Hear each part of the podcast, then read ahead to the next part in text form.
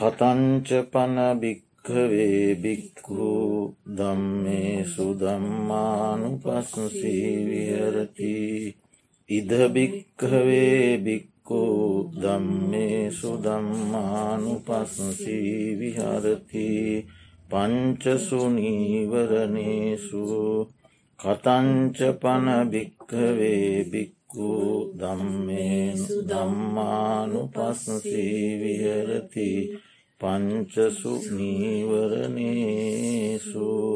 ඉදභික්හවේ බික්කු සන්තංවා අජ්ජත්තංකාමච්චන්දං අත්තිමේ අජ්ජත්තංකාමච්චන්දෝති පජානාති අසන්තංවා අජ්ජත්තංකාමච්චන්දං නත්තිමේ අජ්ජත්තංකාමච්චන්දෝති පජානාති යතාච අනුපන්නස්ස කාමච්චන්දස්ස උපපාදෝහෝති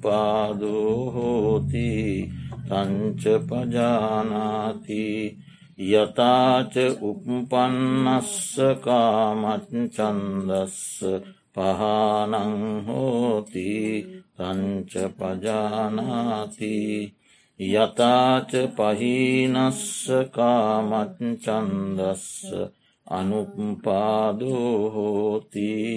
තංච පජානාති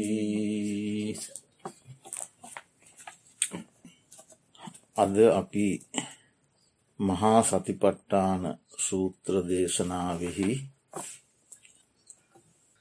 ගොඩක් විස්තර සහිත බොහොම ගැඹුරු දම්මානු පස්සනා සතිපට්ඨාන කොසට කොටස අධ්‍යහනය කරන්නට ආරම්භ කරමින් ඒ කොටසෙහි මුල් පාටය සූත්‍ර පාටයේ ප්‍රථම භාගය. ඒ මාතෘකා වශයෙන් තැබුවේ ධර්මය අනුව බලමින් සිහිය පිහිටවන සිහිය වඩන සිහිය දියුණු කරන ක්‍රමයයි මේ තුළින් උගන්වන්නේ. එතකොට මෙතනදී දියුණු වෙන්නේ සිහිය පමණක්කය අනාර්ථය නොවෙයි ගත යුත්තේ. යම් කිසි කෙනෙක් ධර්මය අනුව බලමින් ඒ තුළ සිහිය පිහිටවන්නේ නම් ඒ සිහිය පිහිටවීමත් සමගම ඒ නිසාම ඒ පුද්ගලයා තුළ ඒ සිහියත් සමග බැඳුණු ශිෂු ධර්මත් දියුණු වෙන්න පටන් ගන්න. ඒ කියන්නේ සමාධිය ප්‍රඥාව ඒ මාර්ගයේ ස්තීරසාර විශ්වාසය නිසා බලවත් සද්ධාව. ඒ මාර්ගයෙහි නැවත නැවත ගමන් කිරීම සඳහා වැඩීම සඳහා දියුණු කිරීම සඳහා බලවත් උත්සාහය. ඒ මාර්ගෙහි නැවත නැවත වැඩීමට ඇති බලවත් කැමැත්ත. ඒ මාර්ගයට නැවත නැවත සිත යෙදවීමේ යෙදවීමේ සිත යොදවන ස්වභාව. ඔය විදිහේ ඒ සිහියත් එක්ක සම්බන්ධ වුණ. සිහිය අනුව ගිය සිහිය සමග බැඳුන සිහිය සමග එක්ව යෙදුන බොහෝ ධර්මතා චිත්ත සන්තානය තුළ වැඩෙන්න දියුණුවෙන්න පටන්ගන්න. එනිසා කෙනෙක් මේක සිහිය වැඩීමක් පමණක් කියලා ගන්න සුදුසු නෑ. මේ තුළ තියෙනවා මහා ගැඹුරු නිවනින් කෙලවරණ ස්වභාවයන්. මේ මුළු සතිපට්ටාන් සූත්‍රය තොට නිවනින් කෙලවරණ ස්වභාවයක් නම් තියෙන සිහියෙන් විතරක් නෙවෙන එක වේ නේද? සීය හා බැඳුණු සති සමාධි ප්‍රඥා විරිය සද්ධාව ඔක්කොමත් එක්ක යන්න.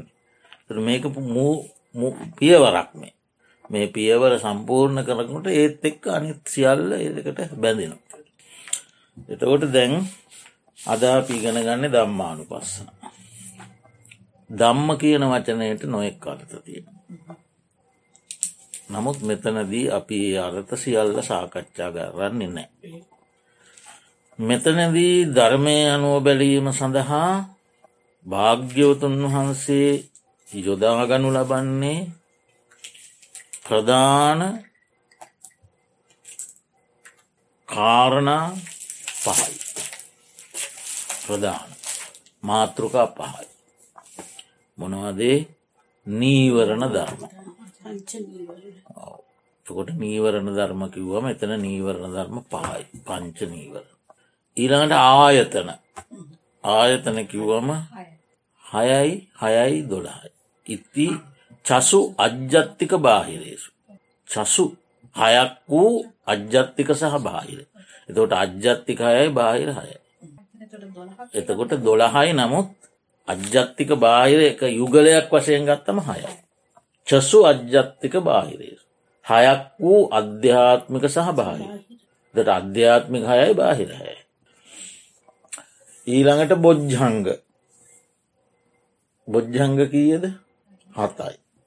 නීවරණ පහයි අජ්ජත්තික බාහිර ආයතන හයයි කැනෙ දොළහයි බෙදලගත්තොත් දොළහයි යුගලයක් වසයෙන් ගත්තොත් හයයි බොජ්ජහංග හතයි. ඊළඟට උපාදානස්කන්ද පංචසු උපාදානක් කන්දේසු එක දෙවැනියට එන්න නීවරණ ළඟට අතවට එතන පහයි. උපාදානස්කන්ද පහයි. ඊළඟට ආර්ය සත්‍යය චතුරාර්ය සත්‍යය තන හතර. තොර නැවත පිළිවෙල්ට ගත්තොත් පංච නීවරණ උපාදානස්කන්ද පහ ආයතන දොළහා බොජ්ජංග හත ආර්ය සත්‍යය හතර ඔක්කොම කියද. පහයි දහයයි විසි දෙකයි විසි නමයයි තිස්තුනයි. ඔය තිස්තුනම දම්මානු පස්සනාවේදී සාකච්ඡා වෙනවා. එතවට දම්මානු පස්සනා භාවනාවට තිස්තුනම අරමුණු කරගන්න පුළුව තිස්තුනම අරගන්න කරන්න එකක් අරමුණු කරන්න ඔවු එක එක තම ඔක්කොම අරමුණු කරන්න පෑන තිස්තුනම එක වැර අරමුණු කරන්න බෑන. එකස්තුනම එකවර අපි කියමුකු නීවරණ එකවර ඇති වෙන්නේ න වරක ඇතිවෙන්න කාමච්චන් කාමච්චන්දය ව්‍යාපාදය එකට ඇතිවෙන්නේ තොට කාමච්චන්දය ඇතිවෙන්නට කාමච්චන්ද ප්‍රහාණ භාවනාවයි කර ව්‍යාපාදය ඇතිවෙනකට ව්‍යාපාද ඒවා එකින් එක වෙන වෙනම භාවනා වඩන යෝගාවචරයාට මුහුණදීමට ඒවා සිද්ධ වෙනවා. ඒ මුහුණදීමට සිද්ධ වෙන වෙන අවස්ථාවලදී ඒ ඒ වෙන වෙන ක්‍රමය අනුව එයා ඒක ප්‍රහාණය කිරීම සඳහා ඒ භාවනා මාර්ගයේදී සිත යොදනවා. දොට ප්‍රධාන මාතෘකා පහයි. ඒක අනු කොටස් එක් කෙනෙකොට තිස්තුනයි. පැහැදිලිදේ තිස්තුන. එතකොට අද අපි ඔන්න එකින් එකින් එක තමයි සාකච්ඡා කරන්න වෙන්න. මේක පහත් බෙදලා තියෙන මේ පහ පිළිවෙලින් පිළිවෙලට කියන ඒක ඉස්සෙල්ලාම මොල් තැන දීලා තියෙන පංච නීවරණ. ඊට පස්සේ උපාදාන. එහෙම කියලා කිව්වනේ නේද ඔව් ඒ මේ දේශනාවේ එහෙම පිළිවෙලක් තියෙනවා. නමුත් පුද්ගලයාට මුහුණ දීමට සිදුවීමේදී පිළිවෙලක් නැහැ. හරි මට කාමච්චන්දයම ඉස්සල්ල ඇතිවෙන්න ඕනෑ. එහෙම එකන්නේ හදැන් අබුදහම් ප්‍රහෙම දේශනා කරලා තියෙන්නේ අපිට ඒක වටහගන්න ලේසි ඔව් ඒ පිළිවෙල ක්‍රමයක් යටතේ. නමුත් භාවනා වැඩීමේදී අපිට මුහුණ දෙන්නට සිද්ධ වෙන්න මේ පිළිවෙලට නෙමේ ඒක ඒ ඒ අවස්ථානුකූලව මේක ඉගෙනගෙන අවබෝධ කරගෙන තේරුම් අරගෙන තියෙන කෙනාට ඒ ඒ අවස්ථාවේදී අරමුණු වෙන මුහුණදීමට සිදුවෙන අත්දැකීම් අනුව තමයි මේක භාවිතයේදී. එතකොට දැන් අපි මුලින් ඉගෙන ගත්ත කායානු පස්සනාව සතිපට්ටහන සූත්‍රයේ කාය අනුව බලමින් සිහිය පිහිටුවීම. ඒ කායානු පස්සනාවේදින් කරන්නේ රූප විදර්ශනාව. එක රූප කය කියන්නේ රූපයටන රූප අරූප නැත්තම්. නාම රූප කියන කොටස් දෙකින් කායානු පස්සනාවේ ප්‍රධාන කොට ගන්න රූප විදර්ශනා. කෙස්ලොම්නිය දත් සම්මීළඟට නවසීවතික ධාතු මනසිකාරය ඊළඟට ආශ්වාස ප්‍රශ්වාසකාය ඊළඟට ගමනාදීරියව් ඊළඟට සම්පජානකාරී. ඒ ඔක්කොම කායික ක්‍රියාන කා. එතවට කායානු පස්සනාවෙන් එන් කරන්න මේ රූප ධර්මයන්ගේ විදර්ශනාවක්. නාම නෙමේ වැඩි වසයෙන් ගැනෙන්නේ රූපද. ඒකෙන් නාම ධර්මයන්ට යන්ඩ පුළුවන් නමුත් ප්‍රධාන කොට ගන්නේ රූප විදර්ශනාව. ඊළඟට වේදනානු පස්සනාව පිගෙන ගත්තන ඊළඟට තුන්වෙනුව චිත්තානු පස්සනාව ඉගෙන ගත්තන. එතකොට වේදනානු පස්සනා චිත්තානු පස්සනා දෙකින් බොහෝ දුරට මූලික කරගන්නේ ප්‍රධාන කොට ගන්න අරූප ධර්ම විදර්ශනාව. වේදනාව කියන්නේ නාම ධර්මයක් හරි චිත්ත කියන්නෙත් නාම ධර්ම. තොට වේදනානු පස්සනා චිත්තානු පස්සනා දෙකින් අරූප ධර්ම විදර්ශනාවට ය. පැහැදිලි. දැන් එතකොට ඉතිරි වෙලා තියෙනවකත් දම්මානු පස්සන. තොට දම්මානු පස්සනාවේ මිශ්‍රක විදර්ශනාව නාම රූප දෙකම තියෙන. හරි කායානු පස්සනාවෙන් රූප විදර්ශනාව. වේදනානු පස්සනා චිත්තානු පස්සනාවෙන් අරූප විදර්ශනාව නාම. එතකොට දම්මානු පස්සනාව මිශ්‍රක දෙකම දෙකම යන. ඒ එක ක්‍රමයක් ඔය අට්ට කතාචාරීන් වහන්සේලා දක්වන එක ක්‍රමයක්. ඊළඟට කායා තව ක්‍රමයක් දක්වනවා. කායානු පස්සනාවෙන් රූපස්කන්ද විදර්ශනාව. රූපස්කන්දය. ඉස්කන්දෝල්ට බෙදල මේ කියන්නේ. ඉස්කන්ද පහට බෙදල කායානු පස්සනාවෙන් රූපස්කන්දය විදර්ශනා කරනවා. එතකොට වේදනානු පස්සනාවෙන් වේදනා ස්කන්දය විදර්ශනා කර. ඉස්කන්ද වසින් රූපස්කන්ද වේදනා ස්කන්ද. ඊළඟට චිත්තානු පස්සනාවෙන් විඤ්ඥාන ස්කන්දය. රූපස්කන්ද වේදනා ස්කන්ද අවසානයට තියෙන විඤ්ඥා විඤ්ඥානිස්කන්දය චිත්තානු පස්සනාවෙන් විදර්ශනා කරන. එතවට තව ස්කන්ද දෙකක් ඉතුරු සංඥා සංකාර. දම්මානු පස්සනාවෙන් සංඥායිස්කන්දය සංකාරිස්කන්දය විදර්ශනා. කායානු පස්සනාවෙන් රූපස්කන්දය වේදනානු පස්සනාවෙන් වේදනාස්කන්දය ඊළඟට චිත්තානු පස්සනාවෙන් විඤ්ඥානස්කන්දය ඊළඟට දම්මානු පස්සනාවෙන් සංඥායිස්කන්දය සහ සංස්කාරිස්ක. ස්කන්ද පහෙන් එතවට දම්මානු පස්සනාව යටතේ මේවා ප්‍රධානකොට ප්‍රධාන ප්‍රධානව මේ කියන්නේ ඒ අටුවාචාරීන් වහන්සේලා දක්වන අදහසක් මතයක්. දැන් එතකොට ඒටික අපි එහෙම සිහියේ තබාගෙන මතකේ තබාගෙන දැන් අපි යනවා මේ අපි සාධ්‍යායනා කරපු කොටෙසේ. ඔන්න දැන් අපි සිංහල අරතය කොහොමද? මහනෙන මහනත මේ කෙසේ නම් නීවරණාදී ධර්මයන්හි දම්මානු පස්සිව වෙසේද යත්. මහනෙන මහනතෙම කෙසේ නම් ධර්මයන්හි දම්මානු පස්සව වාසය කරන්නේද යත්. වෙසේදයක් මහනෙන මෙහි මහනතෙමේ පංච නීවරණ ධර්මයන්හි ධර්මානු පස්සීව වෙසේ වරහන් ඇතුළේ සූත්‍රයේ දක්වනවා. ඒ ඒ නීවරණයන් නොයෙක් නොයෙක් අයුරින් පුන පුනා බලනුයි. ආ දම්මානු පස්සීව කියන්න ඒකයි. ඒ ඒ නීවරණයන් නොයෙක් නොයෙක් අයුරින් පුනපුනා බලමින් වාසය කරන. මහනෙන මහනතිමේ පංච නීවරණ ධර්මයන්හි කෙසේ දම්මානු පස්සිව වාසය කරන්නේ දෙයක් කෙසේද කෙසේ දෙහෙම බලමින් වාසය කරන්න.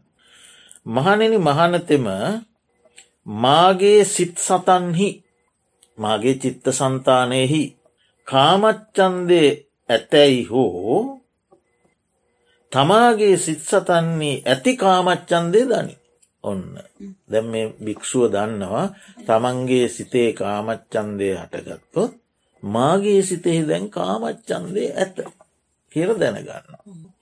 මාගේ සිත් සතන්හි කාමච්චන්දය නැතැයි හෝ තමාගේ සිත් සතන්හි නැති කාමච්චන්දය දනි ඔන්න දැන් කාමච්චන්දය නෑ හරි එයා දැන් දන්නවා මාගේ සිතෙහි දැන් කාමච්චන්දය නෑ කියලා. ඇත්නම් ඇතැයි දැනගන්නවා නැත්නම් නැතැයි දැනගන්නවා. යම්සේ යම් කරුණකින් නූපන් කාමච්චන්දයාගේ ඉපදීම වේද. ඔන්න දැ ඉපදිලා නැතිකාමච්චන්දේ උපදිනවා. එයත් දන්න. ඔන්න මට දැන් කලින් තිබෙනෑ කාමච්චන්ද. දැන් ඉපදුනා. නූපංකාමච්චන්දේ ඉපදීමත් දන්න. යම්සේ උපන්කාමච්චන්දයාගේ ප්‍රහාණය වේද එයත් දනි. අන්න දැම් මේ කාමච්චන්දේ මගේ ප්‍රහාණය වුණ. ප්‍රහාණයක් දන්න. යම්සේ ප්‍රහීන වූ කාමච්චන්දයාගේ මත්තෙහි නොයිපදීමක් වේද ඒද දනි. එක යන්නේ දැම් මේ ප්‍රහාණය වුණ කාමච්චන්දය අය උපදින් නැති තත්ත්වයට පත් වනාන ඒකත් දන්න. හරි දැන් එතකොට ඔන්න කාමච්චන්දේ තියෙනවනම් තියෙනවා දෙනගන්න. නැත්නම් නැතැයි දෙනගන්න. නූපන් කාමච්චන්දයාගේ ඉපදීමක් වුණානම් ඔන්න ඉපදුනා කියල දන්න. මේ මේ හේතුවෙන් මේක ඉපදුනා. හරි උපංකාමච්චන්දයාගේ ප්‍රහාණයක් වුණාන එතන ප්‍රහාණය කියලා කියන්නේ පූර්ණ ප්‍රහාණය නෙමෙයි. වික්කම්බන වසේ තදංග වසේ ප්‍රහාණයවීම. එතකොට ඒ විදිහට ඔන්න දැම්මගේ කාමච්චන්දය මේ මේ හේතු නිසා ඔන්න දැන් ඉපදුන එක ප්‍රහාණය වුණ. ඔන්න දැන් ඉපදුන එක ප්‍රහාණය වුණ ඒකත් දන්න. ඊට පස්සෙයා දන්නවා මේ කාමච්චන්දය නැවත කවදාකුවත් උපදින් නැති වෙන විදිහට ප්‍රහාණය වෙන්න මෙහෙමයි. ඔන්න ඒ තත්ත්වයක් කොතන දීදායි නැවත උපදින් නැතිවෙන්ට ප්‍රහාණය අනාගාමී වෙන. අනාගාමී. වෙනකොටයි නැවත නූපදිනා පරිදි ප්‍රහාණයවෙන්. එයා ඒකත් දන්නවා. එතකොට දැන් කාමච්චන්දය ඇත්නම් තියෙනවා කියල දන්නවා නැත්තන්න හැයි කියල දන්නවා නූපන් කාමච්චන්දේ ඉපදීම දන්නවා ඉපදුන කාමච්චන්දයගේ ප්‍රහාණය දන්නවා ප්‍රහාණය වුණ කාමච්චන්දය නැවත නූපදීමත් දන්න. ඔන්න ඔය පහම දන්නවා.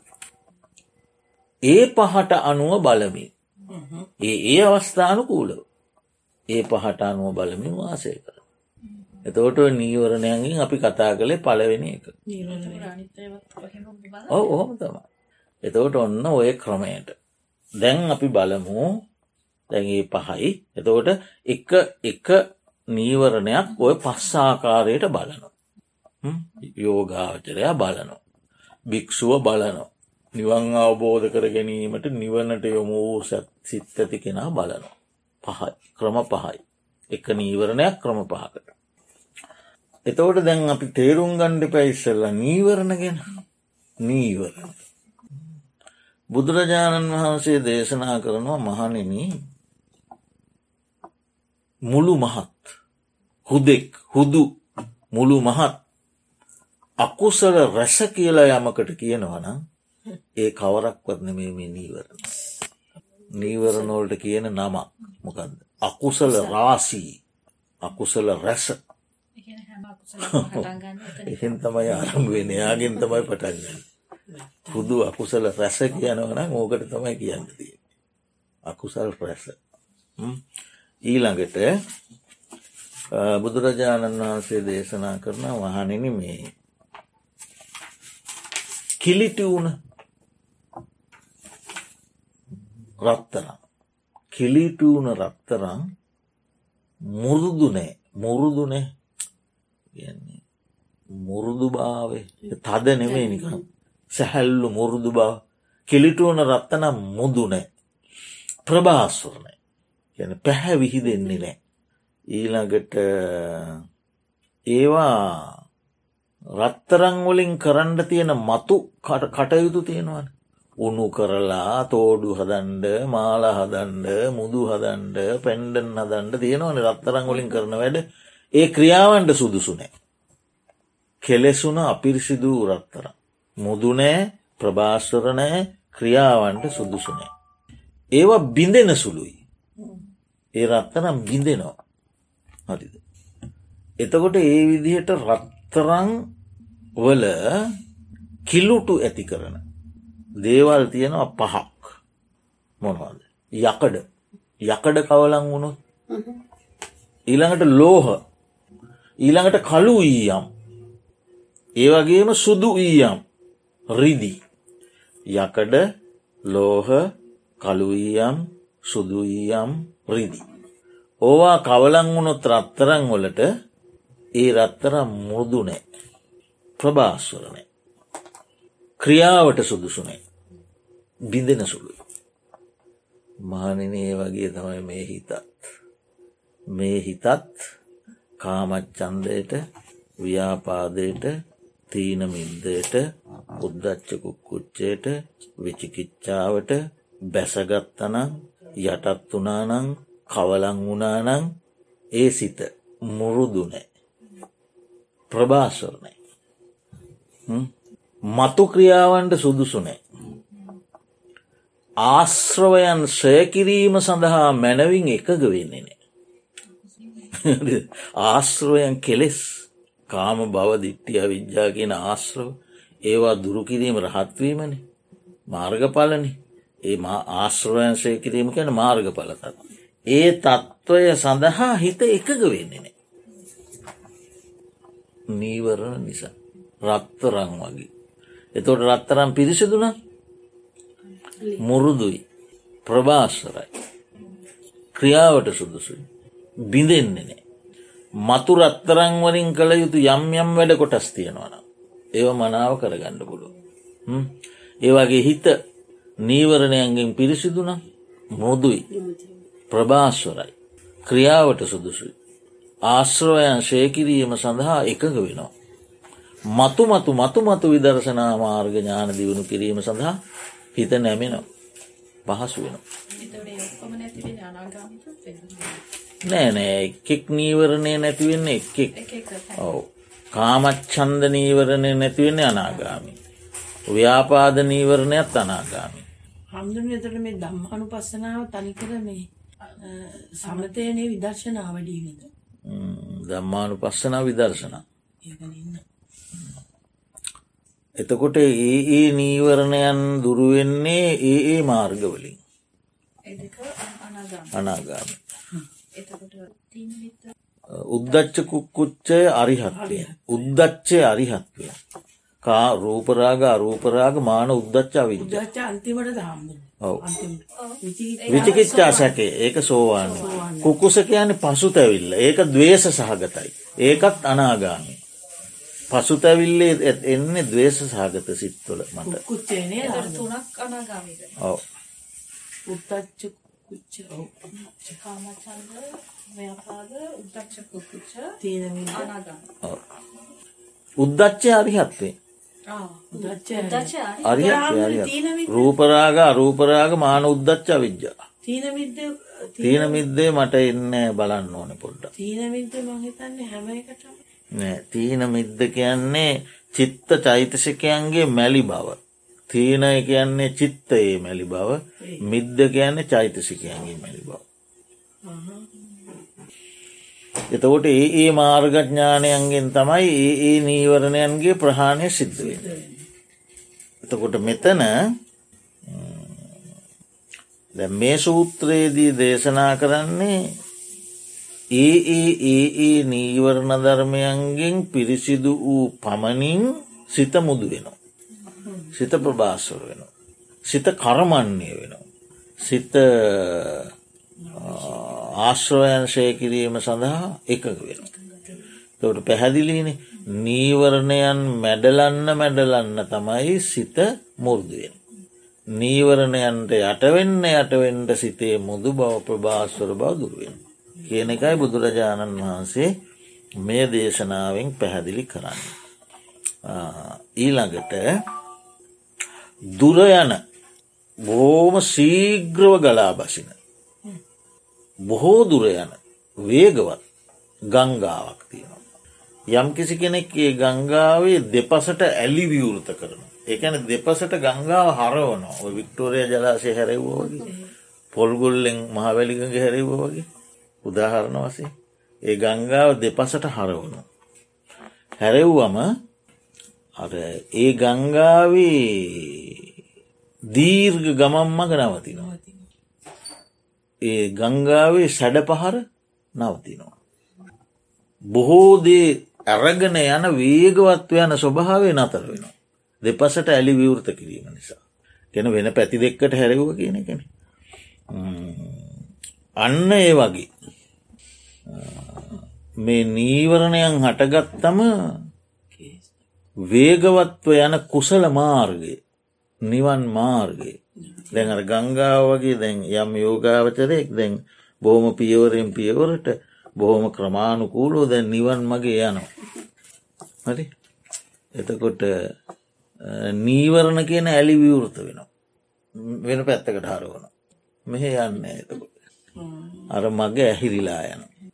ඉතින් එතින්දි බුදුරජාණන් වහන්සේ දේශනා කරන ඉතින් මේ පංච නීවරණයන්ගින් මැඩුණු සිතකට ආත්මාර්ථය දකින්නේය.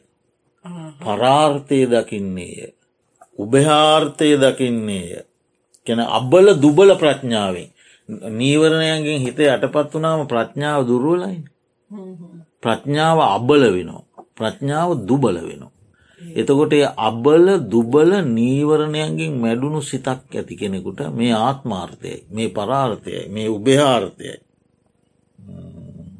කියන දේ දකිින්ට නිවැරදිව දකිින්ට බෑ. හරි ඊළඟට ආර්ය ඥාන දර්ශනයක් ලබන්න බෑ. එකැන චතුරාර් ශත්‍ය ධර්මයන් දකින ඥාන දර්ශනයක් ඒක ලබන්න බෑ. කියන එකත් මේ නීවරණයන්ට අදාළව. දෙපසට ඇලි විවෘත කලා වගේ. දෙපසට ඇලි විවෘත කරා වගේ. ඊළඟට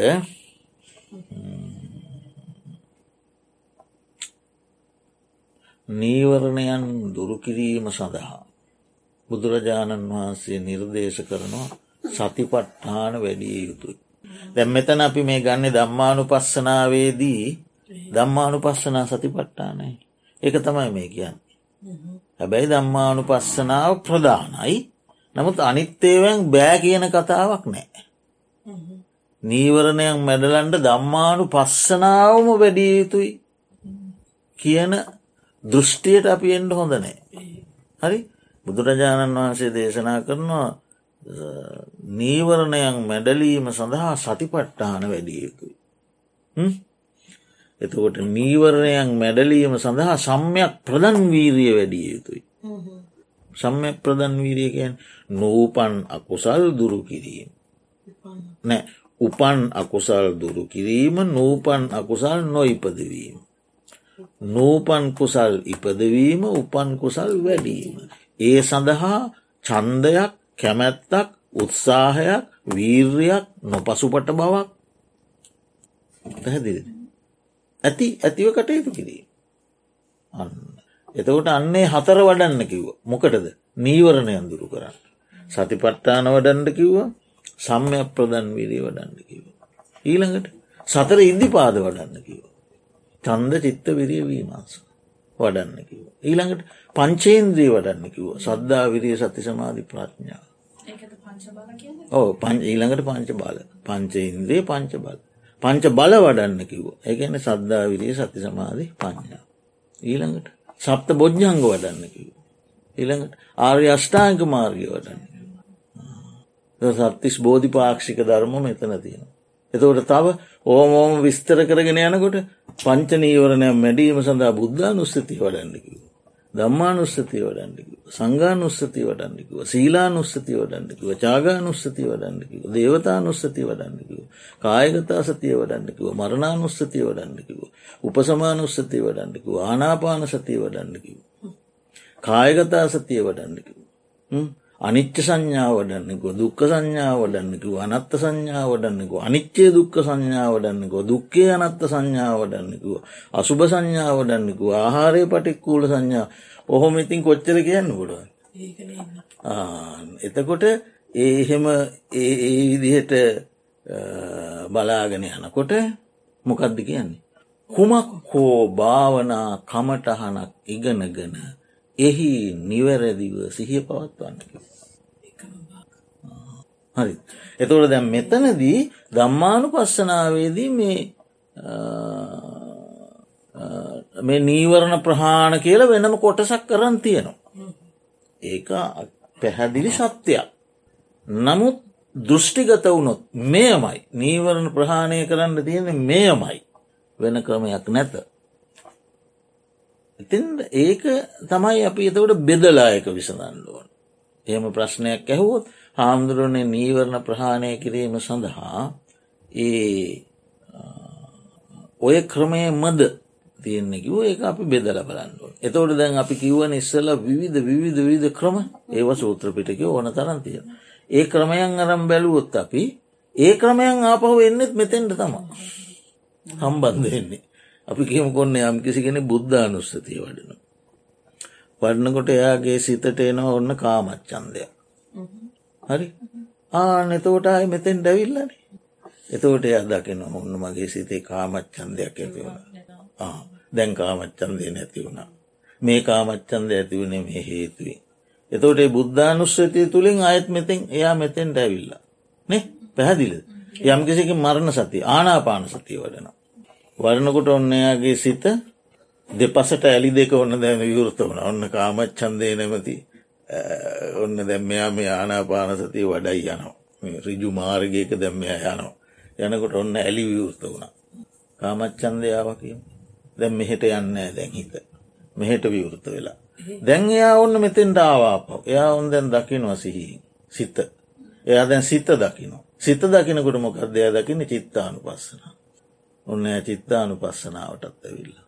එතකොට එය දම්මානු පස්සනාවටත් ඇවිල්ලා මගේ හිතේ ඔොන් දැන් ඇති වුණේ කාමච්චන්දය ඕ ඒ දැන් දම්මානු පස්සනා ඇයි කොහොමද මේ නූපන් කාමච්චන්ද ඉපදුනේ? විමර්ශනය කරන ඉපදුනේ කොහොමද? අයෝනිසෝ මනසිකාරය නිසා ඉපදුනේ. මං වැරදි මෙනෙහි කිරීමගේ දුනා ඒකන මේ ඉපදුනේ. ඉති මේක හරි හරි පලල් දර්ශනය එතවට ඒ විදිහට මේ බුදුරජාණන් වහන්සේ දේශනා කරන මහනිනි මේ නීවරණයන් මැඩමීම සඳහා මේ කරන්න මේ කරන්න මේ කරන්න මේ කරන්න මේ කරන්න මේ කර විවිධ විවිධ විවිධ විධ ක්‍රමවේදයන් බුදුරජාණන් වහන්සේ හඳුන්නලා දෙනවා. ඒ ක්‍රමවේදයන් නැත්තන් ඒ අරමුණක සිත වඩමින් එයා නැවත මේ නීවරණයන් හටගන්නකොට ආය මෙතෙන්ට තමයි සම්බන්ධ වෙන්නේ. ඒක අපි තේරුම් ගණ්ඩුව. එහෙම තමයි. කුමන භාවන අරමුණක් වැඩුව ඒ ඒ අවස්ථාවල නීවරණයන් උපදිනකොට මෙයත් එක්ක ආය සම්බන්ධය. ඊළඟට මේ නීවරණ හැඳින්වීම සඳහා පෙළ දහමේ යෙදෙන වචන රාශියක් තියෙනවා. ආවරණා අහුරනවා යන්ඩ දෙන්නේ අහුරලදානු. මග අහුරනෝ නීවරණ මගින් මග අහුරනවා. මොන මග දහුරන් කුසල් මග. නීවරණ ඕකටන් එකක් කිව්වත් හරි පේන්නේ හරි? එතකොට කටන එකක් කියන්නත් පුළුවන් ඊට වඩා පුළුල්ව කියන්නත් පුළ බිත්තියක් කියන්නත් පුළුවන් පර්ුවතයක් කියන්නත් පුළුවන්.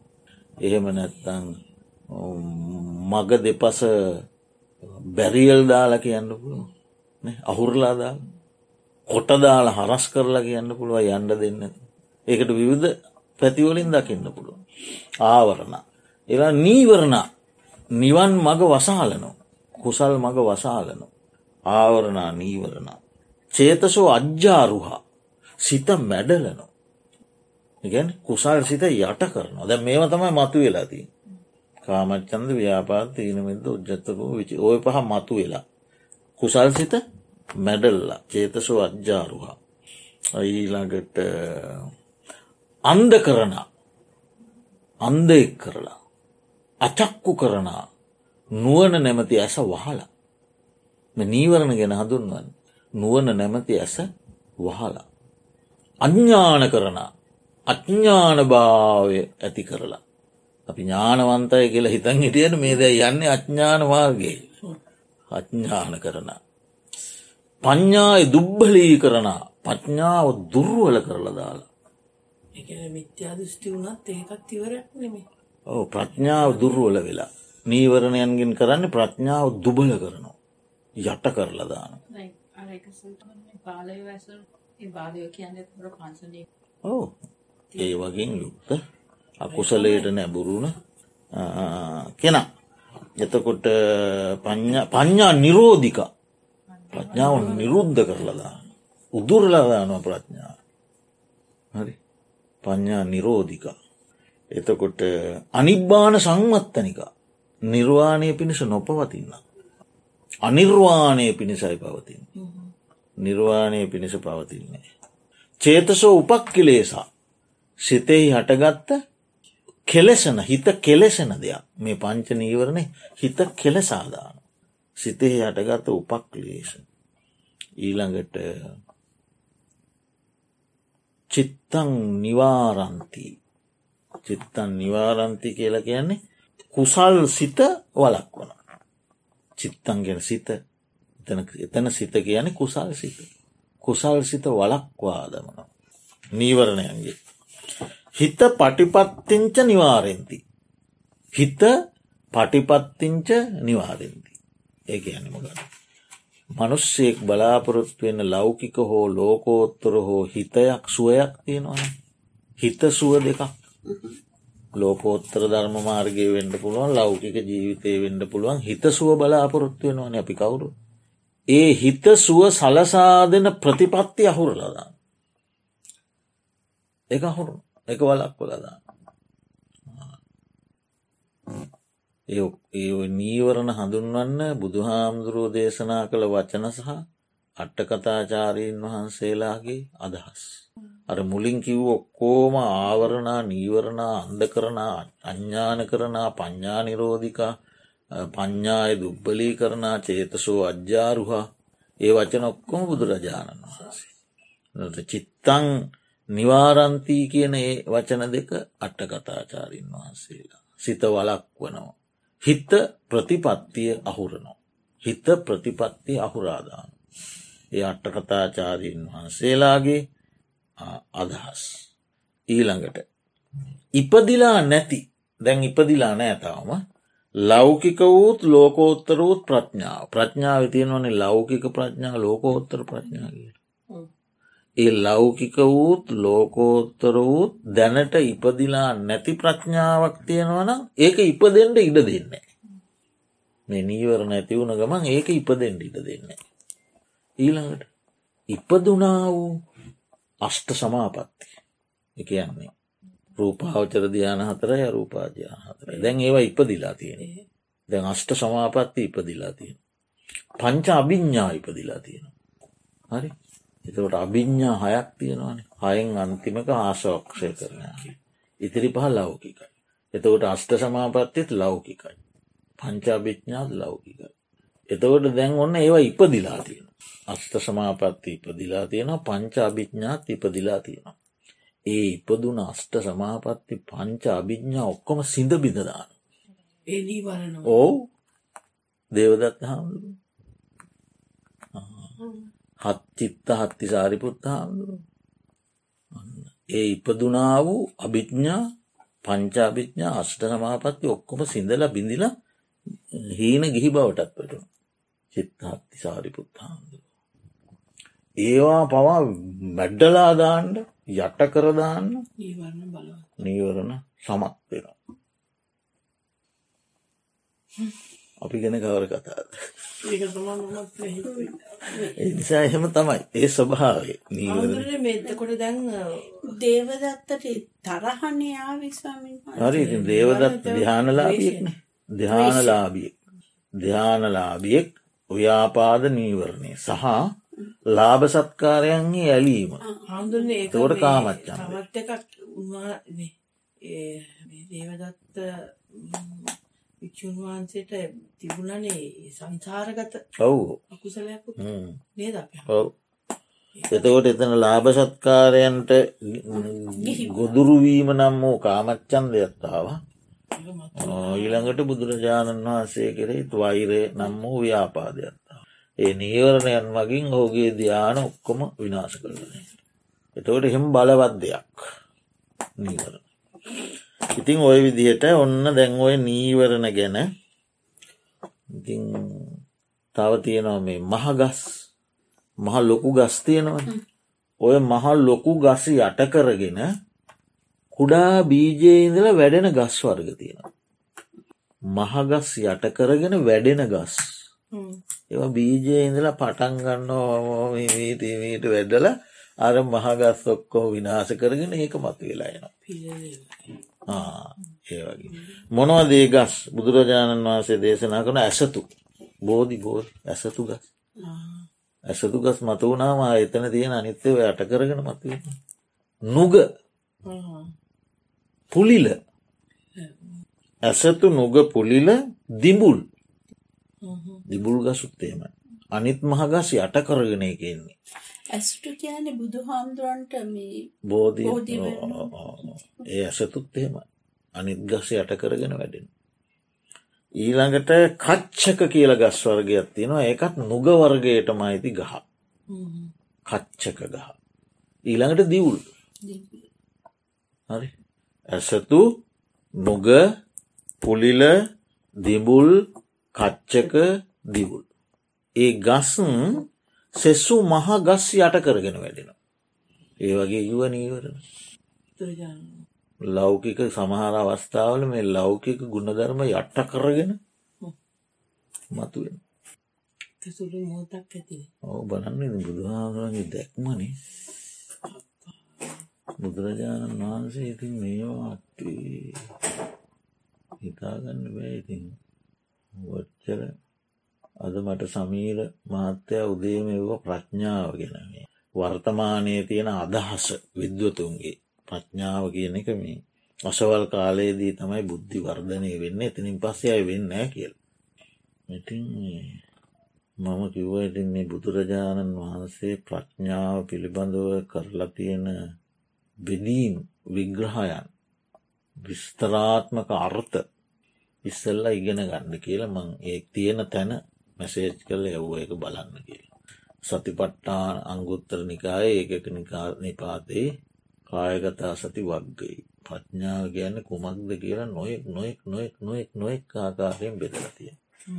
එතෝට ඔය එකී ඒ කියන ලද නානා විද වූ බෙදීම් සහිත මේ ප්‍රඥා සියල්ලම මැඩගන්නට පුළුවන් නීවරණ. නීවරණ ඉගෙන හඳුනා ගැනීම වැදගත් කියන එකයි කිය. හඳුනා ගැනීම වැදග ක්‍රම.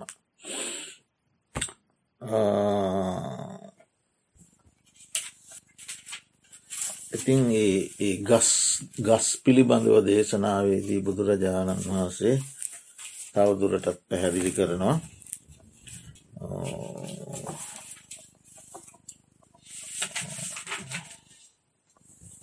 මේ ඒ ගස් මැඩගෙන මතුවෙන මහගස්මෙන් මේ පංච නීවරණයෝ නුවන මැඩගෙන නුවන යට කරගෙන මතු වෙලා එනවා.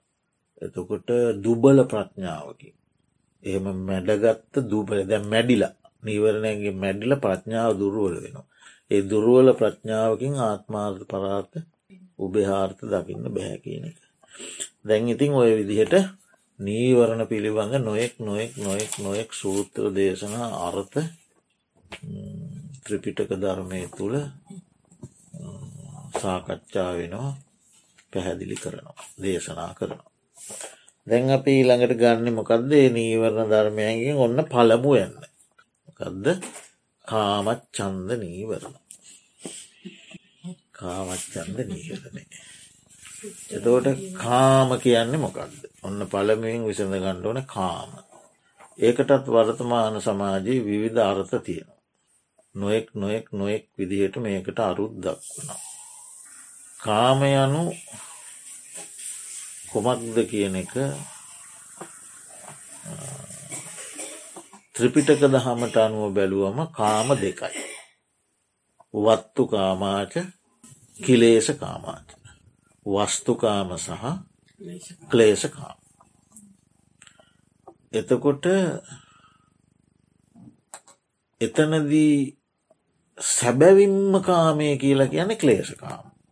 එකන කෙලෙස් ප්‍රහාණය කරපු කෙනෙකුට ඕන තරම් වස්තු සම්පත් මැද නිර්ලෝබීව ඉන්ඩ පුළුවන් දැන් දනදාන්නේ වස්තු සම්පත්වලින් ආඩ්‍යමත් වූ තැනක පිරුණු තැනක ඉන්නවා කෙලෙස් ප්‍රහාණය කළකෙන එයාට කෙලෙස් ඇතිවෙන්නේ නේ. කොච්චර වස්තු සම්පත්ති නේද?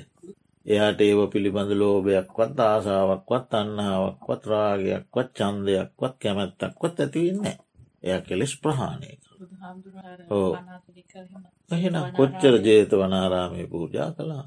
කොච්චර නේද? බුදුරජාණන් වහන්සේට කොච්චර හිටිය? අද ශ්‍රාවක ශ්‍රාවිකාවෝ. යන යන හැම පැත්තෙම ලිච්චවී රජදරූ එහෙම එකක් නෑ ඒ නිසා මේ වස්තුකාම ක්ලේශකාම කියලා දෙකක් තිබෙන අතර එයින් සැබැවින්ම කාමය කියන කියන කෙලෙස්කා. තොට අර වස්තුකාම කියන්න මොනවද ක්ලේශකාම ඇතිවීමට උපකාරවන දේවල්. හිතේ ක්ලේශකාමය ඇතිවීමට උපකාරවන දේවල්. ඒවට තමයි වත්තුකාම කියලක. එතකොට ඒ වත්තුකාම කියන්නේ මොනවද.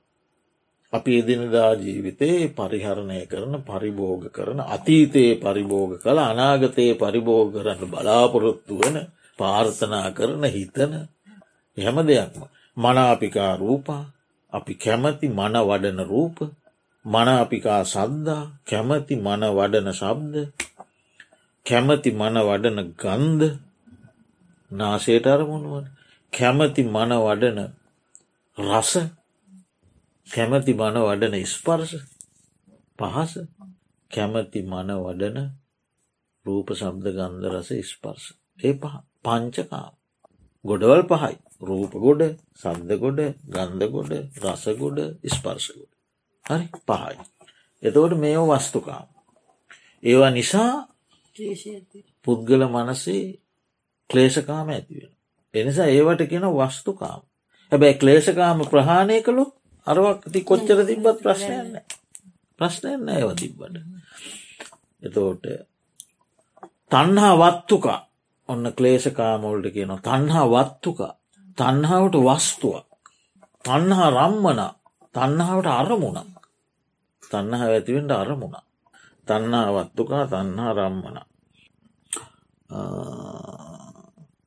කමනීයට්ටේන මදනීයට්ටේන රජනීයට්ටේට ඉමේ උච්චන්ති වත්තුකාම. කැමති බව ඇති කරන කැමති බව ඇති කිරීමට ඉවහල් වන මංහරි කැමතියකට කියන්නේ කැමැත්ත ඇති කරවන. මදනීයට්ටේන කියලා කියන්නේ අපේ හිතේ කුල්ල මද ගෝත්‍ර මද ආදී විවිධ මද. අපි ඉස්සර කතා කරලා තියෙන මද විසි හතක්. ඒ මද ඇතිකිරීමට ඉවහල් වෙන උපකාර වෙන. රජනීයට්ට එන කියන රජස් කියල ගැන දුහවිලි කෙලෙස් රජස් කෙලෙස් නැවති සියුම් දුහවිලි දූවිලිවලින් කියන් කරන්න අපිරිසිදු කිරීමට වස්ත්‍රයක දූවිලි බැඳුනම වස්ත්‍රය අපිරිසිදුවෙන. ඒ වගේ සිතක රජස් හතේ හටගත්තම සිතා අපිරිසිදු කරන. රජස් දූවිලි. එතවට අන්නේ විදියට කැමැත්ත මද කෙලස් රජස් ඇතිකිරීමට සහ තන්හාාවට අරමුණු වෙන කාමයන්ට අරමුණු වෙන දේවල්. එවටගෙන වත්තුකා තින් සැරියුත් මහරාතන් වහන්සේ ඒ වත්තුකාම ගැන ලොකූ විස්තරයක් කරනවා. ඒ විස්තරය තුළ තියෙනවා ජනපද රට පවා වස්තුකාම. ජනපද ජනපද අපි ජීවත්ය අපි වාසය කරන රට ඒවා ඔක්කෝම ඇති සාකච්ඡ.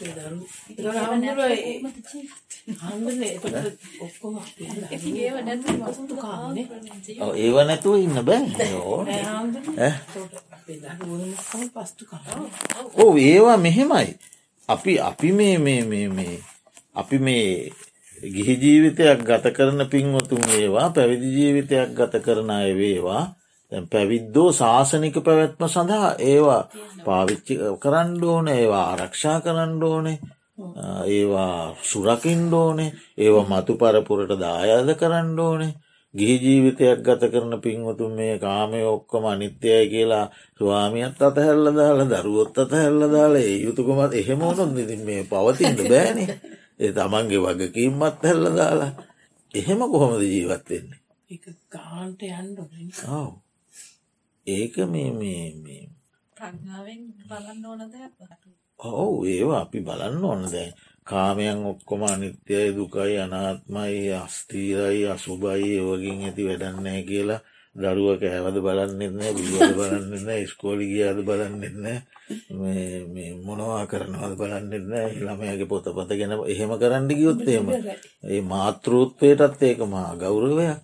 ඒක වෙනම පැත්තක් එහෙම කරන්න බෑ. ඇතින් දැන් දැන් පුන්න ජාන්දුර මේ ඔක්කෝ වැඩන්න අනිත්‍යය කියලට කාමරයට ඉන්න දාහෙකු වෙනවා. අනේ ඕ වැඩන්න කියලා එහෙම හිටියොත් මේ පවත් පණ්ඩ බෑ. එහෙම එහෙම අන්තර්වාදී විය යුතු නෑ. ඉතින් අවබෝධයෙන් ඔවු. ඉතින් දැ මේකෙදී ඔය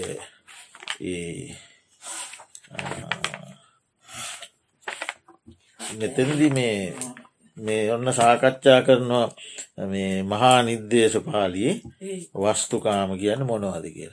මනවඩන රූප මනවඩන සබ්ද මනවඩන ගන්ධ මනවඩන රස මනවඩන ස්පර්ශ. හරි? ඊළඟට ඇතිරිලි පොරෝනාවස්ත්‍ර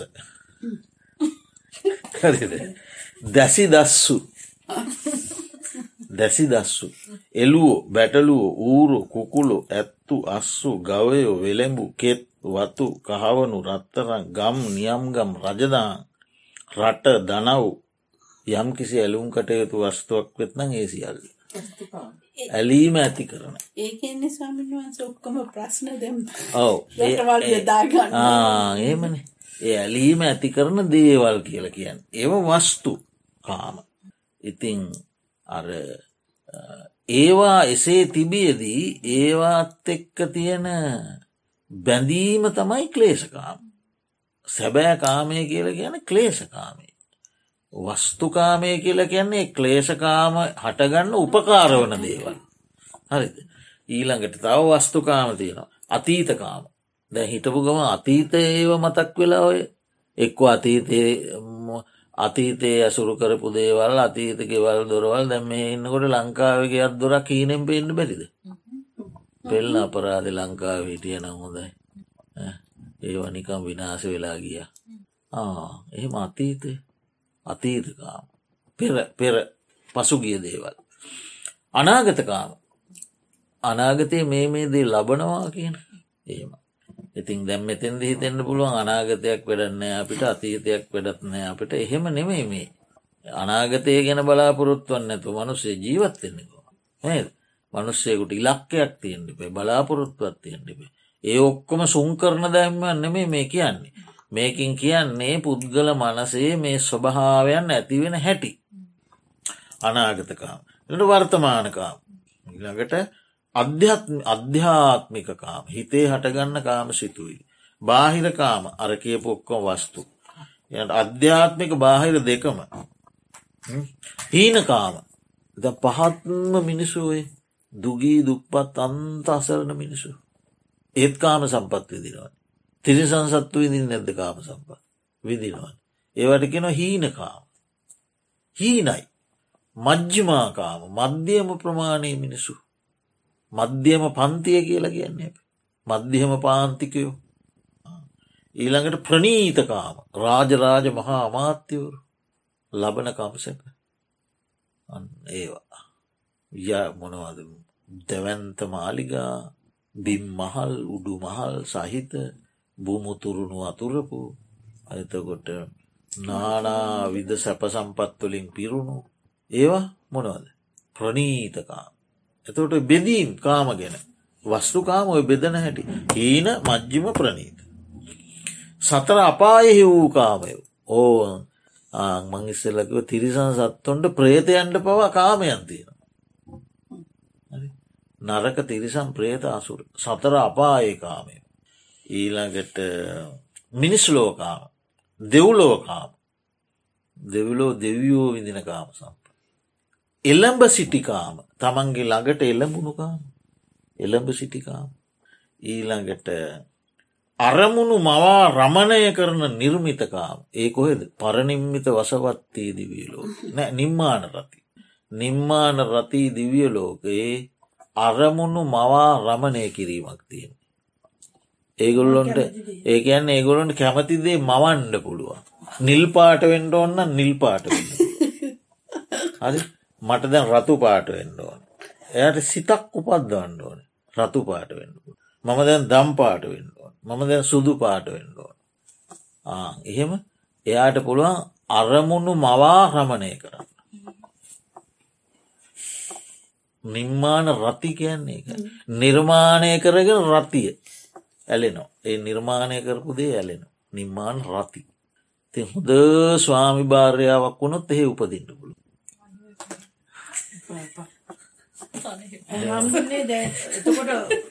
නෑ මම නෙවේ කියන්න ඇර නිර්මාණ රති සූත්‍රය ගණනාවක් තියෙනවා. නිර්මාණ රති ඇති අපි නේද අපේ? ඈ? සසරේ කොහරි ඕකෙ තින්ද. එතකොට එතකොට ඒවට කියනවා නිර් එතවට කියෙන නිම්මිත කාම ඒවට කියන නිම්මිත. නිම්මිත. ඊළඟට පරනිම්මිත කාම පරනිම්මිත වසවත්තී දිවියලෝක පරාවිසින් මවන ලද කාමයන් ඒගොල්ලෝ පරිහරණය කර පරනිම්මිත වසවත්තිකාම ඊළඟට මේ මාගේයයි පිළිගත්කාම මේ මේව මගේ. මෙව මගේ. අල්ලන්ඩපා ඔයාලට අයිති නෑ මේවා. මාගේයයි පිළිගත්තකාම ඒතන කාම කෙලස් කිව්වා මහාන්දුරේ නාම රූප කියලා එහෙමද කියන්නේ? වස්තු ඔක්කොම රූප? ඒ වස්තු රූප. අරවක් කෙලස් ඔක්කොම නාමව එතකොට එම පිළිගත්කාම. එතකොට මම මගේ කියලා පිළියරගෙන නෑ. නමුත් ඒවටත් ඇතිවෙනවා ආ. මම මගේ කියලා පිළියරන්න අනුන්ගේ. නොපිළිගත්කාම. තෘෂ්ණා වශයෙන් ගත්කාම. තෘෂ්ණාවෙන් දැඩිකොට ගත්කාම එසේ නොගත්කාම දැඩිකොට අරන්නෑ තෘෂ්ණාවෙන් නමුත් යම් ප්‍රමාණයක කැමැත්තත් තියෙන. එතකොට මේ විදිහට තෘෂ්ණාවට අරමුණු වූ තෘෂ්ණාවට කාරණයක් වූ පාර්ථනා කළ යුතු අර්ථය ඇති ඇලීමට යෝග්‍ය හිත ඇලෙන මද ඉපදයුතු ඉපදෙන අර්ථයෙන් මේවට කියනවා මොනවද වස්තුකා වස්තු. එව මේ ආරම්මණයක්. කාමයන් උපදින්ට ආරම්මන වස්තු. එතවට ක්ලේෂකාම කියන්න? ක්ලේෂකාම තමයි ඔන්න කාමයන් අතර ප්‍රධාන. බුදුරජාණන් වහන්සේ දේශනා කරන්නේ අර සංකප්ප රාගා රාගෝ පුරිසස්සකාම මේ පුරුෂයාහට කාමය යනු සැබැවින්ම සංකල්පය. මේ වස්තු නෙමෙයි ඒ වස්තු පිළිබඳ ඇතිවෙන සංකල්ප. සංකල්පය. හිත හිතට ඇතිවෙන අර ඇලෙන බැඳෙන ගතිය. ඇලෙන බැඳෙන ස්තෘෂ්ණාව උපදින ස්වභාවේ ඒක තමයි. ඔවු. ඕ කෙලෙස් කියලා කියන මනසේ හටගන්නා වූ චෛතසිකයන්. චෛතසික එතකොට මේ වස්තු කාමයන් කියල ගන්නේ තෘෂ්ණාව උපදීමට හේතුවන්නේ ගෙන අර්ථය.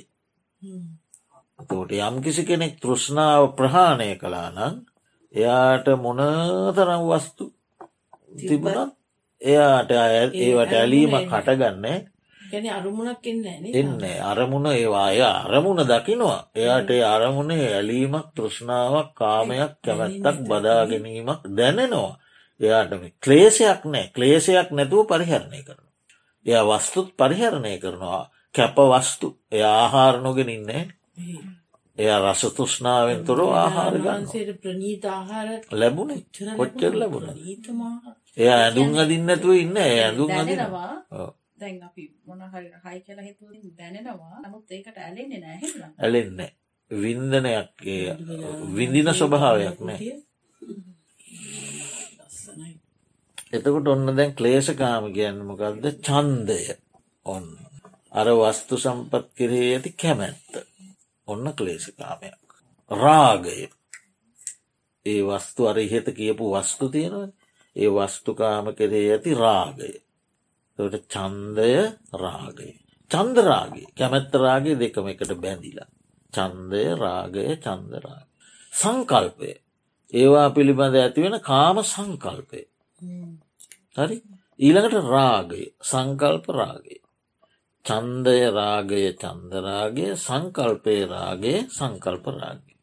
ඊළඟට මේ පංචකාම සම්පත් කෙරෙහි යම් චන්දයක් යම් රාගයක් යම් නන්දියක් සතුටක් නන්දිය සතුටු වෙන ස්වභාවය. පංචකාම සම්පත් දැකළ සතුටු වන ස්වභාවය. යම් තෘෂ්ණාවක් යම් සෙනෙහසක්. පංචකාමයන්ට සෙනෙහසක්. ස්නේහය. යම් පරිදාහයක්. මේවා පාවිච්චි කරනකට මත් දැවිල්ලකුත්තෙනවා කාමයන් නිසා ඇතිවෙන දැවිලි ස්වභාවයක් පරිදාහයක්. යම් මුර්ෂාවක් මුච්චා එකන මුලාවීම මෝහයෙන් මුලාවෙලා ග්‍රහණය වෙන ස්වභාවය. මුච්චාවක්. යම් ඇතුළුවීම ඒකට බැස ගැනීම අජ්ජෝසාන කාමයන්ට බැසගන්න උපාදානයක් තම බැසගන්නවා පරි අමාරුයි මෙතනින්. ගණ්ඩ. බැසගෙනන්න. ඕගයක්. කාම ඕග කියලා අපි කියැන් සැඩ පහන. අර අපි ඕග කාම බවදිට්ටිය විංජ ඕග. ඕගයක්. යෝගයක් සසර යොදවන ස්වභාවයක්. යම් උපාදානය කාම උපාදාන යම් නීවරණයක්. අන්න ඒවට තමයි ක්ලේෂකාම කියන්න. මොනවදතට චන්දය රාගය චන්දරාගේ සංකල්පේ රාගය සංකල්පරාගය චන්දයක් රාගයක් සතුටක් තෘෂ්ණාවක් සෙනෙහසක් දැවිල්ලක් මුලාවීමක් බැසගැනීමක් ඕගයක් යෝගයක් උපාදානයක් නීවරණයක් වේද? ඒකට කියන ක්ලේශකා ක්ලේශකා කාමච්චන්ද එතකොට දැන් මෙතන කාමත් චන්ද කියල කියන්නේ හෙමනම් මේ වස්තු නෙමේ ඒ වස්තු කෙරෙහි ඇතිවෙන නීවරණයක් උපාදානයක් ඕගයක් යෝගයක් බැසගැනීමක් අල්ලා ගැනීමක් දාහයක් දැවිල්ලක් කැමැත්තක් රාගයක් සංකල්පයක් වේද? කාමච්චන්ද කියන එක එක්කොම නාමය ඔවු නාම නාම නාම. ඒ නාමය ඇතිවෙන්ට අර රූප අරමුණු වෙන කාමච්චන්දයනු නාම ධර්මයක්. ආන්න ඔය තමයි නීවරණ සහ කාමය පිළිබඳව තියෙන. ඉතින් තව කාමය පිළිබඳ බොහෝ සූත්‍ර දේශනා තියෙනවා. මහන්නිකාමේ දත යුතුය. කාමයන්ගේ වේමත්තතා. නොයෙක් නොෙක් ආකාරී බෙදීම් දත යුතුය. ඒවා හටගන්නා හැටි දත යුතුය. ප්‍රහාණය කළ යුතු හැටි දත යුතු හොම විස්තර සහිත සව දේශනා තියෙනවා. ඇති ඒ ඔක්කොම සාකච්ඡා කරන්නකිව අපිට අපවත් වෙනකන් දම්මා දම්මානු පස්සනාව සාකච්ඡා කර කර ඉන්නවේ. ඉතින් එහෙම තියෙනවා. දැන් දැන් අපි ඒ විදියට තේරුම් අරගෙන ඔන්න දැන් ඔය කියන ලද ඔය කියන ලද දැන් ඉතින් භාවනා වඩන යෝගාවචරයකුට ඔය කියන ලද කාමත් චන්දේ ඔය ක්ලේෂ කාමය. වස්තුකාමයට බැඳෙන්නෙත් ක්ලේෂකාමයන්නේ දැන් අපි කියමුක අපිට අතීත වූ අනාගත වූ හෝ වස්තුවක් හිතට අරමුණා කියලා. හරිද? වස්තුවක් අරමුණුන අපි කියමුකෝ භාවනාවටන යෝගාවචරයාට අතීතයේ පරිහරණය කරන ලද වාහනයක්. අනාගතයේ පරිහරණය කරන්න බලාපොරොත්තු වන වාහනයක්. හරි ඒ වගේ මොකක්කරි වස්තුවක් කරමුණ එතවට ඒ වස්තුව අරමුණුනේ කොතන්ටද? අරමුණන හිතට. එතවට ඒ අරමුණ හටගත්ත හිතේනෙ.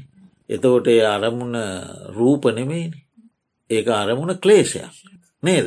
අන්නේ විදිහේ භාවනාවරණකොට සියුම් වූ හෝ මහත් වූ හෝ සමහරුට ඉතා සියුම් හට ගන්න පුළුව සමහරුට ඉතා මහත්ව හට ගන්න පුළුව ඒ විදිහ නීවරණයක් හටගෙන කාමච්චන්ද නීවරණය හටගෙන දැන් අර ගමම් මග වෙනස් වෙන්න පුළුව. දැන් ඔන්න ගලාගෙන යන ගංගාව ඕන ඇලක් හරෝලා මේ පැත්තට. දැන් යන්න අරහිට ගමම් මග වෙනස් වුණා. වෙනස් වෙනකොට දැන් එයා දකිින් ඩෝන මොකක්ද මා තුළ කාමච්චන්දයක් හටගත්ත. එයා ඒ කාමච්චන්දය වහ වහා මෙනෙහි කරන්න ඕන. කාමයක් කාමයක් කාමයක් කාමයක් කාමයක් කාමයක් කියලා ඒ හටගන්න හටගන්නා නිමේශවලදී ඒකයා මෙනෙහි කරන්න. හරි එතවට මෙනෙහි කරන්න ඉස්සලා දැනගණ්ඩපේ ඒක තමයි මේ පළමුවෙන් ගැන දැනගන්නවා. මා තුළ කාමච්චන්දයක් ඇතැයි පජානාතිී දැනගන්නවා. දැනගත්ත නැත්තක් අරමාර්ගය ඔහේ තියෙනවා දැන් මෙතෙක් ආපු මාර්ගයේ මෙන්න හිත යනවා යන්න වෙනත් පැත්තකට ඔහේ වෙන ඉබාගාතය යනවා. ඒ නිසා ඔන්න ඒක දැනගන්න. එතොට දැනගන්න කොහෙන්ද සිහියෙන්.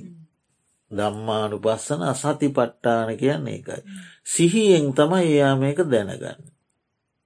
දැනගෙන මෙනෙහි කරනවා. එතකොට දැන් ඔන්න එක ප්‍රහාණය වෙනවා. එතකොට දැන් තමා තුළ කාමච්චන් දෙන්නේ. දැන් තමන් දැනගන්නවා දැන් කාමච්චන්දේ මාතුළ නැත. දැන් එතවට තමන් ආපු මාර්ගයට අය ප්‍රවිෂ්ට වෙනවා. දැන් හයිවේ මාර්ගය යනකොට හදිස්සිය පාරවැරදිනවා. අතුරු මාර්ගයකට දාන. එතවට තමන් දැනගන්නවා මම මේ ප්‍රධාන මාර්ගය නෙවේ යන්න අතුරු වැරදි මාර්ගයකන. එතවට ඒ වැරදි මාර්ගයක යනවා කියලා මෙනෙහි කරලා ප්‍රධාන මාර්ගයට දාගන්නවා. හරි දැම්මම් ප්‍රධාන මාර්ගයට ආවා. කියලත් දැනගන්න. සරල උදාහරණයකි. ඒ විදිහට අන්න දැන් ඇතැයි කියල දැනගන්නවා දැන් නැතැයි කියලා දැනගන්නවා. ඊළඟට නූපන් කාමච්චන්දේ උපදින්නේ මේ මේ ආකාරයෙන්නේ කියල දැනගන්න. හරි දැන් ඉපදුනා කියමක කාමච්චන්ය. ඇයි ඉපදුනේ. උපදින්නේ මේ ආකාරයෙන්නේ කියල දැනගන්න. ඔව ඔව එතකොට එතැන්දී කරන්න තියෙන්නේ මගේ දැන් මේ මං දැම් මේ කරන ක්‍රියාවට මේක බාධාවක් ඒ නිසා මම මේක ඉවත් කර ගණ්ඩ ඕන කියලා සිතේ සිතේ හටගත්ත ඒ සිතුවිල්ල මෙනෙහි කරලා ඒක ඉවත් කරගන්න. එතකොට ඉවත් කරගත්තැන් පස්සේ දැන් නෑනෙ නැහැයි කියල දැනගන්න. අර නූපන්කාමච්චන්දේ ඉපදීම කියන කාරණය ඔව ඊට වෙහා ගැඹුරු යන එක ඉතින් මේක එකක් හොඳට මතක තියා ගන්නට ඕන කාරණයක් තියෙනවා. මං එක නිතර කියලත් තියෙනවා ඊට කලිනුත්. ගිහි ජීවිතයක් ගත කරන පින්වතුන්ට පූර්ණ පැවිදි ජීවිතයක් ගත කරන කෙනෙකුගේ ක්‍රියාමාර්ගයට සීයට සීයක් අවතිරණුවෙන්ට අමාරුයි. හරිද? ඒකනේ සම්බාධෝ ගරාවාසෝ රජාපතෝ කියල ධර්මයදීන් ගිහි ජීවිතය සම්බාධ සහිතයි. කෙලෙස් රජස් උපදින්ට සුදුසු තැන කෙලෙස් රජස් උපදින්ට. ඒක බොහෝම බැඳීම් සහිත තැන ගිය ජීවිතය. එතවට පැවිදි ජීවිතය ආකාශය වගේ. හිස් අවකාශයක් වගේ. ද සාමාන්‍ය හිතල බලන්නකු දැම්මට හෙට රස්සාාවට යන්න ඕන කියල ප්‍රශ්නයක් නෑන. ලයිට් බිලාව කියල ප්‍රශ්නයක් නෑන. වතුර බිලගේවීම පිළිබඳ ප්‍රශ්නයක් නෑන. ඇඳුම් පිළිබඳ ප්‍රශ්නයක් නෑන. නේද. එතකොට දූදරුවම් පිළිබඳ වගකීම් මිටු කරන්න කියල ප්‍රශ්නයක් නෑ. බිරිඳගේ වගකීම් මිටු කරන්න කියල ප්‍රශ්නයක් නැන ගොඩාක් ප්‍රශ්නෝලින් මිදිලන පැවිද්ද. ගොඩක් දේවල්වලින් මිදුන ජීවිතය. කොට ගිහි ජීවිතය ඊට වඩා කරකස කටුක බොහෝ බැඳීම් සහිත දෙයක්. බොහෝ වගකීම් මිටු කිරීමට ඇති ස්වාමි භාරයා සම්බන්ධතා දූදරු මව්පිය සම්බන්ධතා ආරක්ෂා කරමින් ඒවා වෙනුවෙන් තමන්ගේ වෙන් තමන්ගින් වෙන්ඩ තියෙන යුතුකම් මිටු කරමින් යායුතු ගමම්මක. එතෝට ඒ ගමම්මග යද්දී පූර්ණ පැවිදි ජීවිතයක ස්වරූපයකින් හැසිරෙන්ඩ ගියොත්. එතෝට එතන අවුලක් හටගන්න. බික්කූනේ හාමුදුර අපිත් අයිතෙන් බික්කු ගිහි පැවිදි. ගිහි පැවිදි. හරි? එතකොට ඒකන ප්‍රධාන බේද ඒක ආර්ය අනාර්ය. ආර්යෝ සහ අනාර්යෝ. ඉතින් මම මේකින් කියන්නේ සතිපට්ටාන වඩන්න එපා කියනක නෙමේ. නමුත් ගිහි ජීවිතයක් ගත කරන කෙනෙකුට මේක තියෙනවා යම් අශීරුතාවයක් මොක දෙයාට තියෙන වගකීම් බැදීම් සමුදාය වැඩි. පැවිදි ජීවිතයක් ගත කරන කෙනෙකුට පහසුවක් තියෙන එට වඩා. ඒ නිසා ඒ ඒ කාරණයක් තේරුම් අරගෙන තමයි අපි කටයුතු කරන්නට ඕනේ. එතෝට දැන් ඔන්න දැම් බලනවා ඊළඟට ඇත්නම් මැතැයි දෙනගත්ත. නැත්නම් නැතැයි දන්න. ඊළඟට නූපන් කාමච්චන්දයන්ගේ ඉපදීම ඉපදෙන ආකාරය දැනගන්න. කොහොමද උපදින්නේ. සුභ නිමිත්ත යම් කිසි අරමුණක් සුභ වසයෙන් ගන්නවා. ඒ සුභ වසයෙන් අරගන්න අයෝනිසෝ මනසිකාරය නුනුවනින් මෙනෙහි කරනවා. ඒවගේ නිමිති ගන්නවා අරමුණු ගන්නවා වැරදි ආකාරයේ නුවනින් තොරව මෙනෙහි කරනවා. එතෝට සුභ අරමුණ නුනුවනින් මෙනෙහි කිරීම. ඔය දෙක නිසාමයි කාමච්චන්දය උපදී. එයා එක දැනගෙනින් ඕන. එතවට නූමත් අන්න ඒ විදියට මේ නූපන් කාමච්චන්දය මට ඉපදුනේ සුභ අරමුණයි අයෝනිසෝ මනසිකාරය නිසා කියලා දැනගන්න. කරුණු දෙකයි තියෙන්. සුභාරමුණ අයෝනිසෝ මනසිකාරය.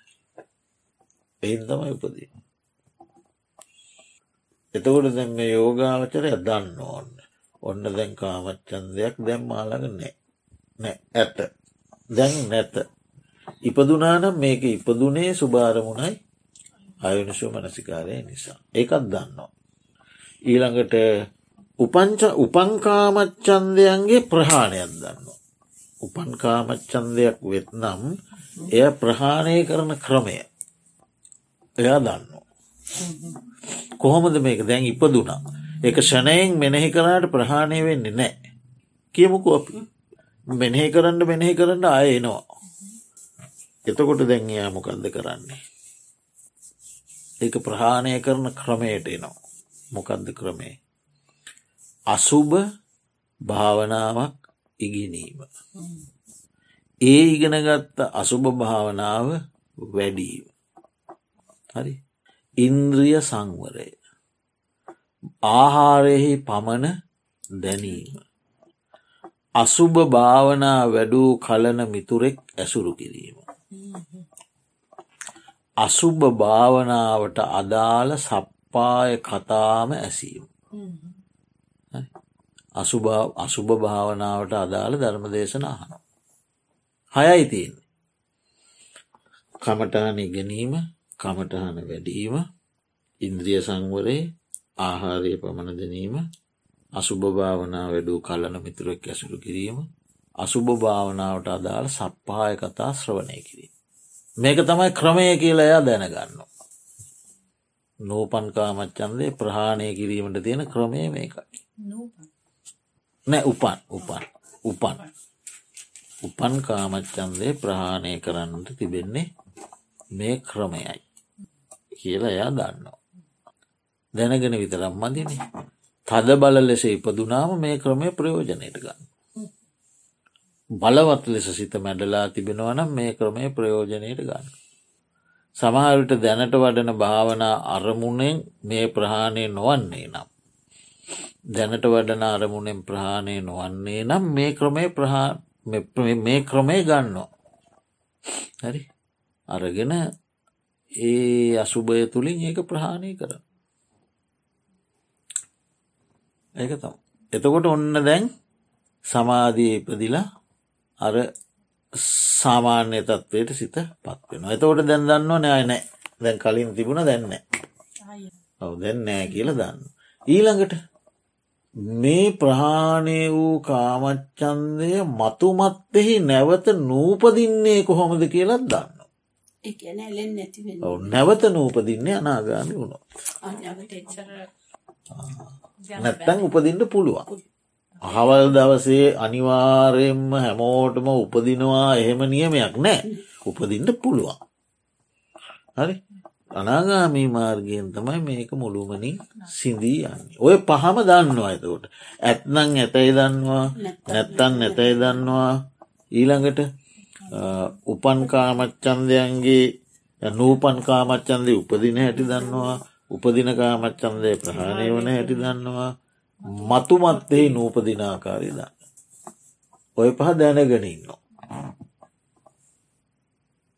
ඉතින් ඒක තමයි මේකින් උගන්නන්නේ එතකොට යම් කිසි කෙනෙක් දැන් අර තදංග වික්කම්බන වශයෙන් ප්‍රහාණය වුණට අනුසේ වශයෙන් යට තියෙනවා නිදාගෙනන්න අරමුණක් ඉදිරියේ මතුවෙන්න පුළුවන්. දැම් ප්‍රහාණය වෙලා. හැබැයි මුළුමනින්ම නෙවෙයි. යම් කමටහන් ඉගෙනීමෙන් ආශ්‍රය කිරීමෙන් බණහැසීමෙන් මේක ප්‍රහාණය වෙලා තියෙනවා. නමුත් යට ඉන්නවා මේ නිදිගත් කෙලෙස් යට තියෙනවා. ප්‍රබල අරමුණක් ඉදිරී මතුවෙන්න ඉඩ තියෙන. ඒ නිසා අන්න අනුසය සහිතවම මේ කාමරාගේ ප්‍රහණය වෙන්න අනාගාවෙන. ට මුලින් මුල්ලිනු පුටාදාන උදුරලාමදාන ආය හටගන්න. ඉවර. එතනින් කාමරාගේ හට ගැනීම සංසිදිල යන. ඉතින් ඔහොමයි. එතකොට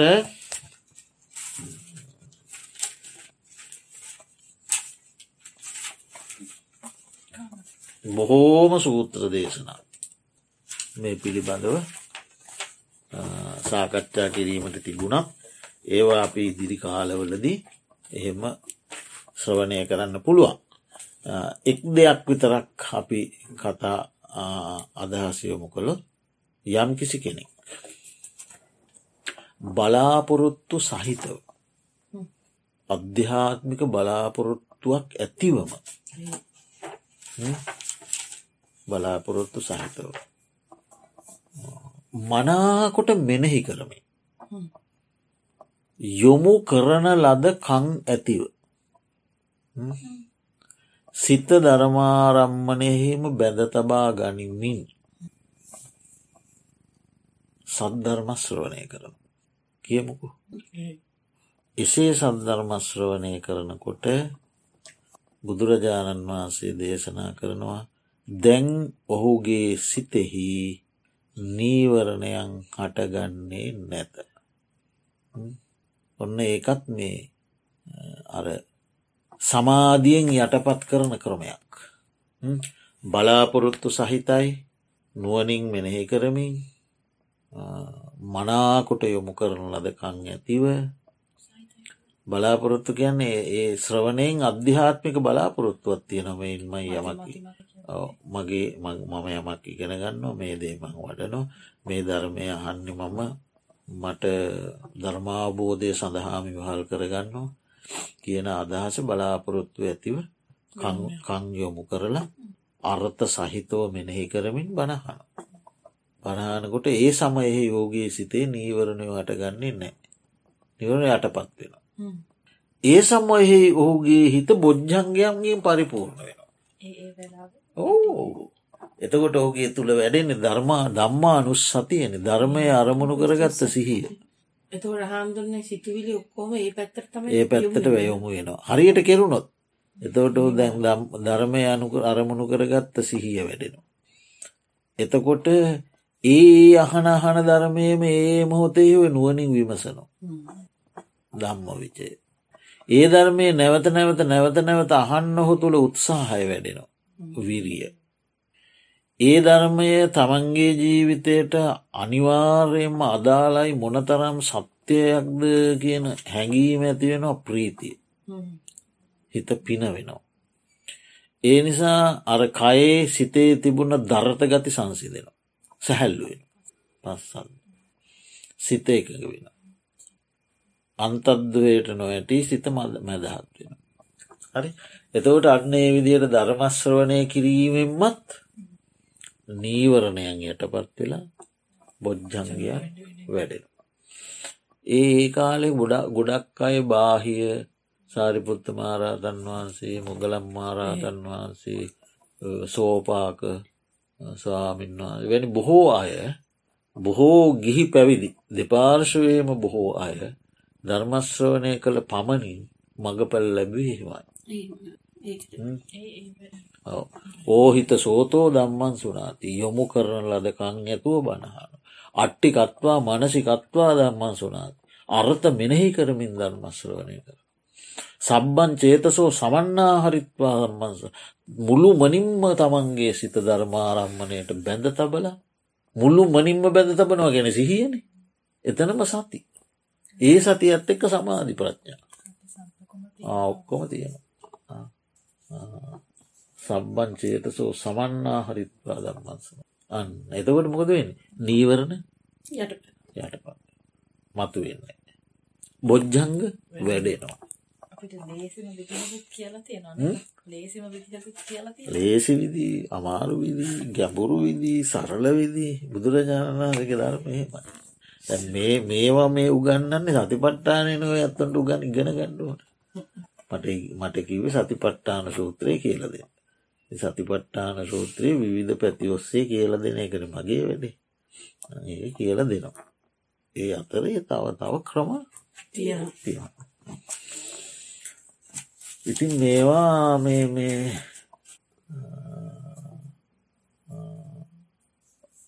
ධර්මය මේ ක්‍රමවේදයන් සියල්ල තියෙනවා.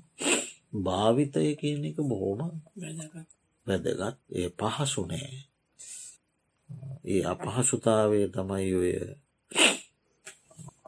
ඔය අතීත අටුවා කතා තුළින් එහෙම පැහැදිලි කරන්න මේ බොහෝම ඉදිරියට ගිය අය පවා පල්ලයාට වැටිච්ච අවස්ථා. තොට අද අපි මේ සාකච්ඡා කරපු ඒ වගේ ඇතුළෙත් ඒ කරුණු අපි කතා කළා. අපි ඒ කරුණු සාකච්ඡා වුණා. ඉතින් නමුත් මේක ඉතා වැදගත්. මොකක්ද වැදගත්? ඇත නැත